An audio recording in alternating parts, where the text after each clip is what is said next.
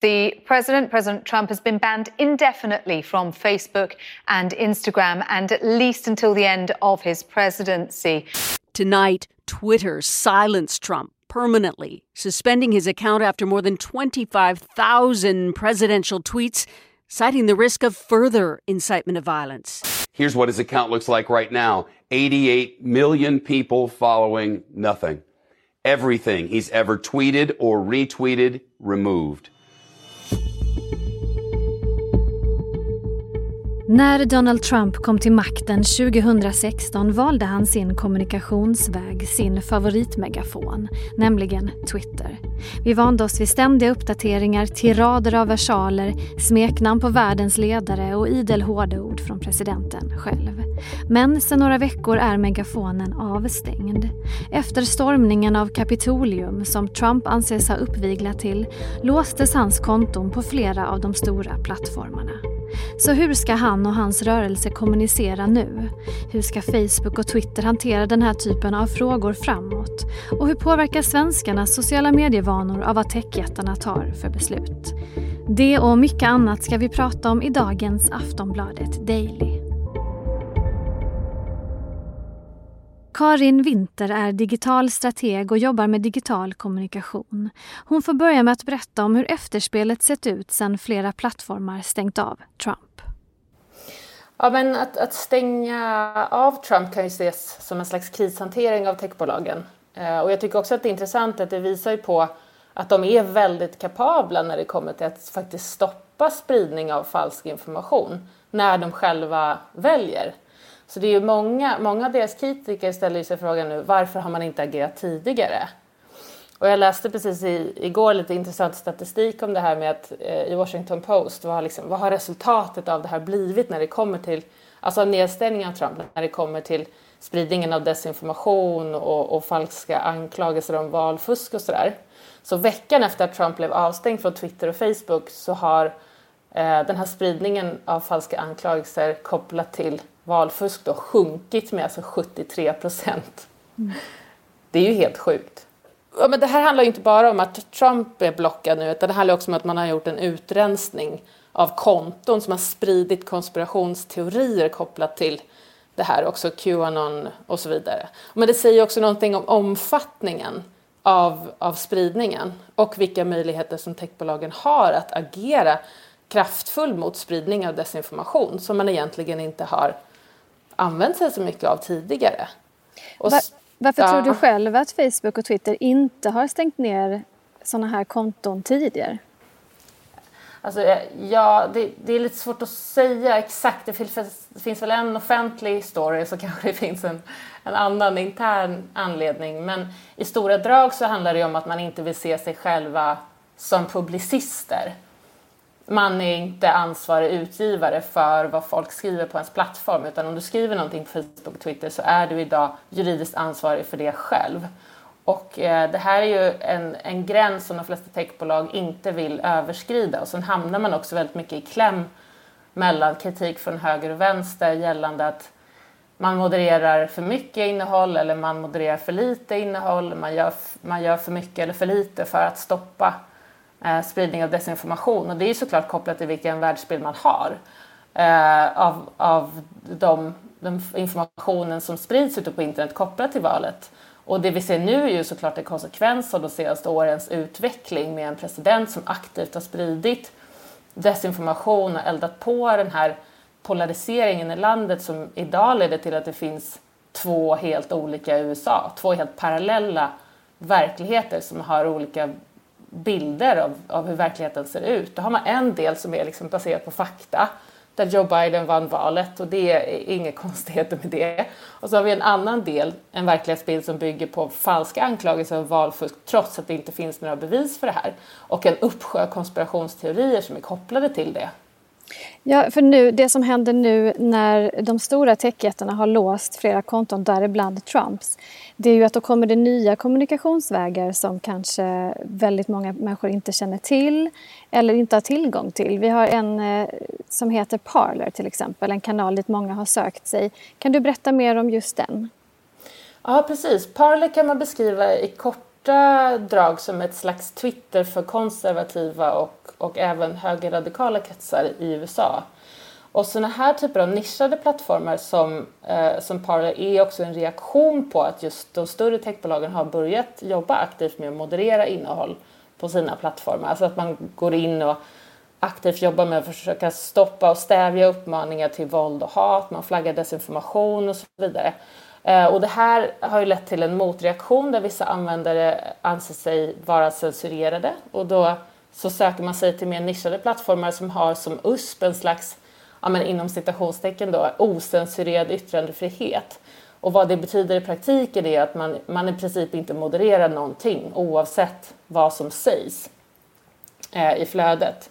Och Parler är ett exempel på det och där finns det också väldigt mycket oro kring den mängden ja, men, extremism och liksom våldsbejakande och rasism och antisemitism som har frodats på den plattformen. Efter att Parlers roll i planeringen och stormningen av Kapitolium blev tydlig så togs ju eh, appen bort då från Google och Apples appbutiker och Amazon har också förbjudit Parler från att använda deras servrar. Så den här tjänsten ligger ju nere just nu. Eh, men det har hänt väldigt mycket den senaste veckan. I början, eller för några dagar sedan, så var ju deras VD väldigt så, ja, verkade lite uppgiven. Han sa att det kanske aldrig kommer tillbaka, till och med våra egna advokater vill inte ha något med oss att göra. Men nu är det lite mer självsäkra toner och han hintar lite om att Parler skulle kunna vara igång igen väldigt snart. Och det är ju intressant för jag menar, Parler har ju blivit en slags politisk dynamit. Det är inte så många som vill förknippas med dem just nu och gör man det, då blir ju det ett väldigt tydligt politiskt ställningstagande. Apple och Google har ju också å sin sida varit väldigt tydliga med vilka typer av krav som eh, de ställer för att, att släppa in Parler igen i sina appbutiker och det handlar ju om att införa tydligare regelverk och moderering och då rör man ju sig samtidigt bort från den USPen man har. Det som man säljer är ju eh, liksom en slags totalt osensurerad yttrandefrihet bortom alla regler. Det finns också en ny plattform som heter Signal, eller Signal, som också har hamnat i fokus. Är det sam, är det, har den några likheter med just Parler? Ehm, um, ja, den är ganska annorlunda. Alltså, likheten kan man väl säga är ju bristen på moderering. Men eh, Signal är en krypterad meddelandeapp så man kan snarare tänka på Signal som en konkurrent till WhatsApp och andra, med, andra meddelandeappar iMessage är också en slags liksom, meddelandeapp men, men eh, Signal är mer, man kan tänka mer på det som en, en mer krypterad version av WhatsApp. Och, om vi tänker då, du har Signal, vi har Parler, det måste finnas andra eh, sådana här liknande plattformar. Vilka tror du att Trump till exempel och hans supportrar kommer att använda eh, framöver? Hur, hur, hur, kommer de att, att, att, att nå ut med, sin, med sina budskap? Ja, men många av de här högerextrema grupperna som var inblandade i stormningen av Kapitolium, de söker sig just nu till sådana här krypterande meddelande appar som vi pratar om, till exempel Signal och Telegram. Eh, och där finns det ju förstås eh, mindre risk att bli övervakad av säkerhetstjänst och polis och så vidare. Men det kommer ju också med ett slags kommunikationsproblem om man ska beskriva det så. Alltså just för att det är eh, svårare att nå ut brett. De har ju mycket mindre räckvidd. Eh, det är ju inte, det är ganska hög tröskel eh, att börja använda en krypterad meddelandeapp om man jämför med att gå med i en grupp på Facebook eller börja följa ett visst konto på Twitter. Om, eh, det finns ju ett begrepp som kallas för alt-tech. Kan du berätta vad det innebär? Ja, absolut. Alt-tech är en intressant rörelse. Parler är ett exempel på den här så kallade alt-tech-rörelsen. Eh, man kan beskriva det som ett slags motstånd mot techjättarna, alltså de stora, största sociala mediebolagen. Eh, och, och det här motståndet bygger på en kritik från framför allt konservativa och högerradikala i USA där man anser att, att de större sociala mediebolagen de modererar sina plattformar för hårt. Eh, och man skulle kunna se på det som ett slags kulturkrig på något vis. Ett, ett motstånd som har funnits mot traditionella medier inkluderar nu också de här stora sociala mediebolagen.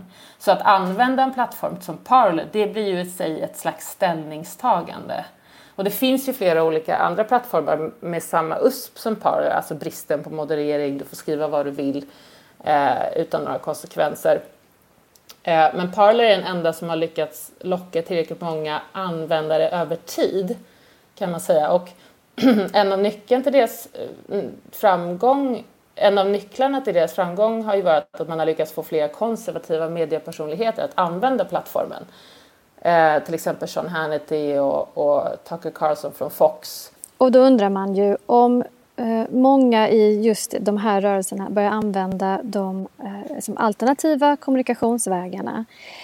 Hur tror du att de riktigt stora då, Facebook och Twitter till exempel, kommer att behöva hantera den här typen av situationer i framtiden? Påverkas de av det här, tror du? Absolut.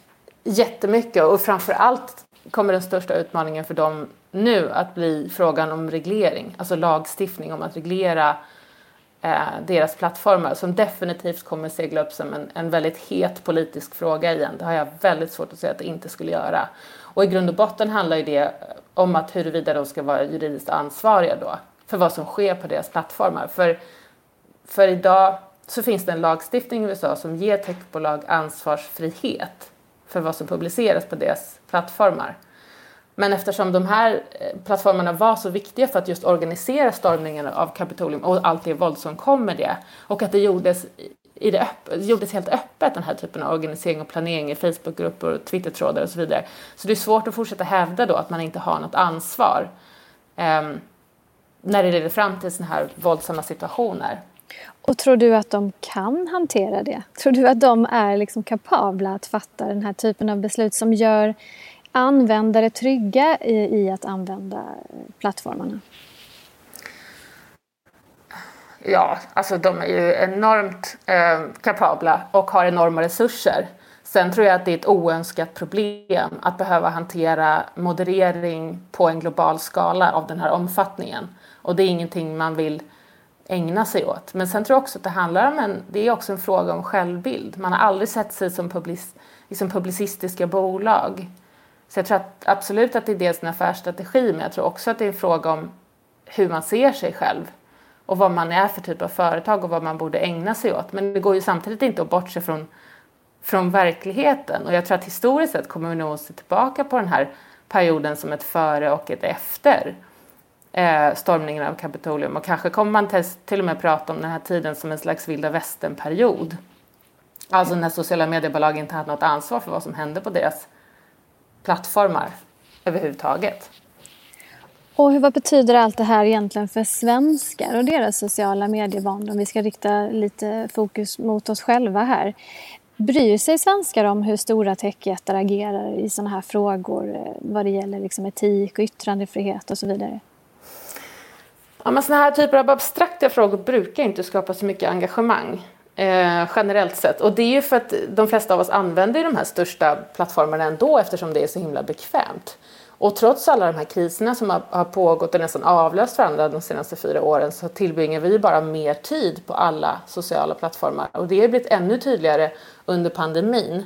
Eh, det visar ju den här senaste rapporten från Internetstiftelsen att vi ägnar bara ännu mer tid åt sociala plattformar. Och det är ju också en fråga om att det är svårt att ställa sig utanför. När stora sociala medier blir en del av en slags in digital infrastruktur nästan, då är det ju svårt att, att välja bort. Vilket kopplar tillbaka till ansvarsfrågan igen. För om man har enskilda plattformar som är en så viktig del av samhället, är det då rimligt att de inte har något ansvar alls för vad som sker på deras plattformar? Sen tror jag också att vi ser början på en utveckling mot mer nischade plattformar överlag. Och, och det har nog jättemycket att göra med att marknaden börjar bli så pass mogen nu. Och användare, eh, vi har ju liksom högre förväntningar på att plattformarna ska vara mer skräddarsydda för just oss. Att vi ska få upplevelser som passar oss beroende på vilka vi är, vilket innehåll vi vill se, vad vi vill skapa för typ av innehåll och inte minst vilka andra vi vill omge oss med. Så jag tror att det här är någonting som vi eh, bara har sett början på. Sist här hörde vi Karin Winter, digital strateg. Jag heter Olivia Svensson och du har lyssnat på Aftonbladet Daily. Du hör oss varje vardag eller när som helst i din poddspelare. Hej då så länge.